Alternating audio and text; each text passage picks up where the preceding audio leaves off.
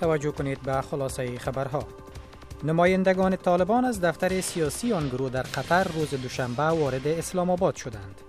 منابع دیپلماتیک با تایید این خبر به صدای امریکا گفتند که در این هیئت سه نفره شهاب الدین دلاور، جان محمد مدنی و ملا عباس آخوند اشتراک دارند و هدف آنان بررسی فضای مذاکرات صلح با حکومت افغانستان است.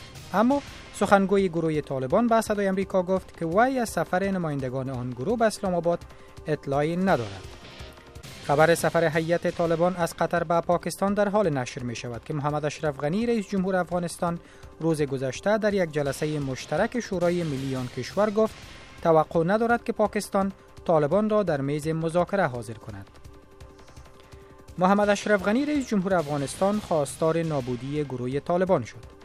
به اساس خبرنامه ارگ ریاست جمهوری افغانستان آقای غنی پس از چاشت روز گذشته در دیدار با مدیران امنیت ملی ولسوالی های آن کشور همچنین گفت که طالبان یاغی و مجرمند چون کارمندان امنیت ملی و مردم عام را در حمله هفته گذشته کشتند. رئیس جمهور افغانستان از مدیران و منصوبین امنیت ملی خواستار از بین بردن منابع مالی و پایگاه های گروه طالبان گردید. محمد جواد ظریف وزیر خارجه ایران می‌گوید که اگر واشنگتن از دو میلیارد دلار پول مسدود شده ای ایران استفاده کند با اقدامات قانونی روبرو خواهد شد.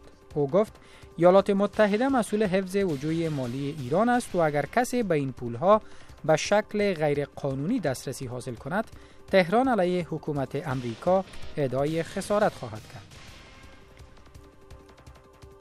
از جانب دیگر عباس راقچی معاون وزارت خارجه ایران می‌گوید که کشورش به خاطر فروش حدود 40 تن آب سنگین با روسیه در حال مذاکره است.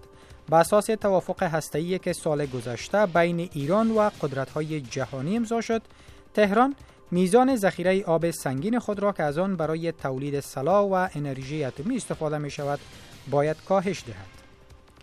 محمد بن سلمان معاون ولیت و وزیر دفاع عربستان سعودی می‌گوید که قیمت نفت به دلیل افزایش تقاضای جهانی بار دیگر از سی دلار فی بیرل کاهش نخواهد یافت.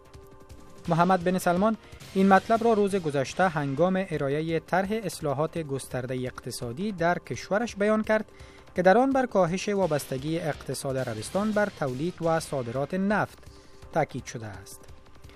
جستن ترودو صدر اعظم کانادا کشته شدن یک شهروند کشورش را به دست تاندوان ابو سیاف در فیلیپین محکوم کرد و آن را یک قتل بیرحمانه خواند.